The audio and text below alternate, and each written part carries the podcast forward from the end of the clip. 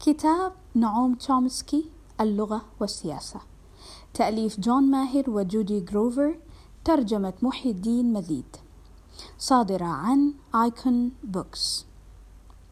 المقدمة بصوت ملاذ حسين خوجلي. أقدم لك هذا الكتاب. هذا هو الكتاب الرابع والأربعون من سلسلة أقدم لك. وهو يعرض لفكر الفيلسوف وعالم اللغة والمنظر السياسي الأمريكي نعوم تشومسكي المولود في الثاني عشر من شهر سبعة 1928 في فلادلفيا.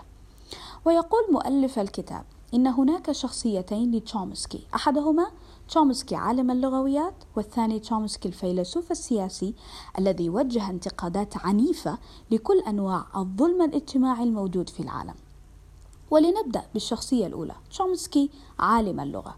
يعتقد تشومسكي أن هناك ملكة لغوية فطرية في الذهن البشري وأحد جوانب تلك الموهبة النظرية يتألف من مجموعة من المبادئ التي تشترك فيها اللغات جميعا وهي التي أطلق عليها اسم النحو العالمي الشامل. وفضلا عن ذلك فإن اللغة تعبر عن الجانب الإنساني فينا ونحن نستخدمها لنسبر أغوار ذواتنا فضلا عن ذوات الآخرين. وكذلك لكي نتعامل مع مجريات الأمور في عالمنا وواقعنا وما قد نصادفه من أعمال ذات معنى أو دلالة. ومهمة عالم اللغة هي تقديم وصف تفسيري متعمق للغة البشرية. أما تشومسكي الفيلسوف السياسي فهو أخطر كثيرا من عالم اللغويات من عالم اللغويات. فهو يهاجم سياسة بلاده الولايات المتحدة الظالمة المتميزة في العالم كله. ويبدأ بحقل الاقتصاد ليعارض بقوة ما أسماه بالمبدأ القذر الذي رفعه أولئك الذين نصبوا أنفسهم سادة على العالم. والمتمثل في القول بأن كل شيء لنا ولا شيء للآخرين.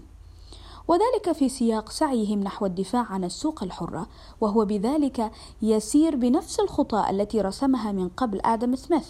1723 ل 1790 الفيلسوف وعالم الاقتصاد الاسكتلندي الذي لمع نجمه في عصر التنوير في القرن الثامن عشر.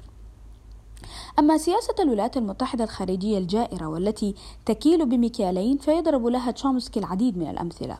الأول اغتيال قسيس على يد رجال الشرطة في بولندا الاشتراكية عام 1984 عندئذ انطلقت صيحات الاحتجاج العنيفة والمدوية في وسائل الإعلام الأمريكية وكذلك التكرار المستمر لتفاصيل حادث الاغتيال مع الإشارة على نحو خفي إلى تورط الاتحاد السوفيتي في ذلك الوقت في القضية.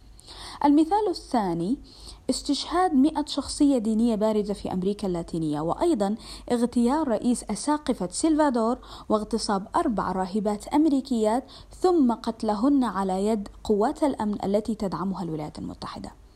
وها هنا يظهر تعتيم إعلامي كامل.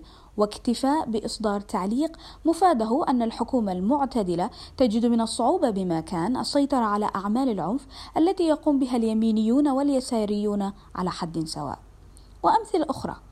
عندما أطلق سراح السجين الكوري أرماندو تحول إلى احتفالية إعلامية كبيرة حتى إن الرئيس رونالد ريغن دعاه إلى حضور احتفال أقيم في البيت الأبيض بمناسبة يوم حقوق الإنسان وذلك عام 1986 وانتهزت وسائل الإعلام الأمريكية الفرصة فقامت بشجب أعمال الطاغية الكوبي فيدل كاسترو الذي تتلطخ يداه بالدماء والذي وصفته صحيفة واشنطن بوست بأنه سفاح آخر ينضم إلى قائمة السفاحين العتاة الذين يرتكبون مذابح جماعية في هذا القرن. كما أخذت تندد بأعمال التعذيب اللا إنسانية وكذلك السجون الوحشية في كوبا. في عام 1986 تم اعتقال وتعذيب هربرت أنايا مدير لجنة السلفادور غير الحكومية لحقوق الإنسان.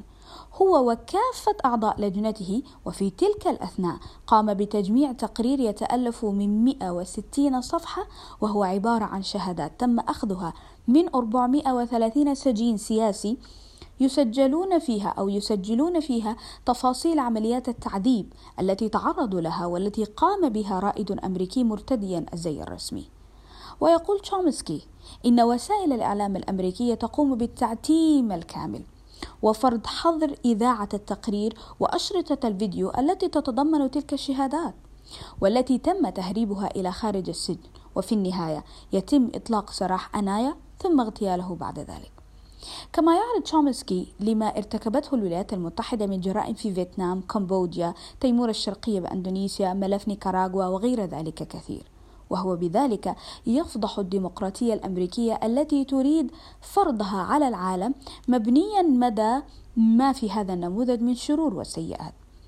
بقي أن نقول, نقول كلمة سريعة عن مؤلف الكتاب جون ماهر وهو متخصص في اللغويات درس الفلك واللغويات في لندن وميتشيغن وإدنبرا وقد قام بنشر عشرة كتب في اللغويات حقوق اللغة وأيضا عن لغات اليابان. وهو يقيم الآن في طوكيو حيث يشغل منصب أستاذ اللغويات في الكليات المسيحية الدولية وقد أهدى كتابه هذا إلى ابنته صوفي بكلمة جميلة لتشومسكي يقول فيها إذا افترضت أن هناك استعدادا فطريا للحرية بين بني البشر فستكون أمامك فرصة سانحة لتغيير واقع الأشياء وسيكون بمقدورك أن تسهم بما من شأنه أن يصنع عالما أفضل. أما جودي جروفز الفنانة التي قامت برسم الصور التوضيحية للكتاب فهي ليست غريبة عن هذه السلسلة. فقد سبق أن اشتركت في كتب كثيرة من قبل ووضعت بها رسوم توضيحية. وبعد فإننا نرجو أن نكون بترجمة هذا الكتاب قد أضفنا جديدا إلى المكتبة العربية ضمن المشروع القومي للترجمة والله نسأل أن يهدينا جميعا سبيل الرشاد. المشرف على السلسلة تقدم لك إمام عبد الفتاح إمام.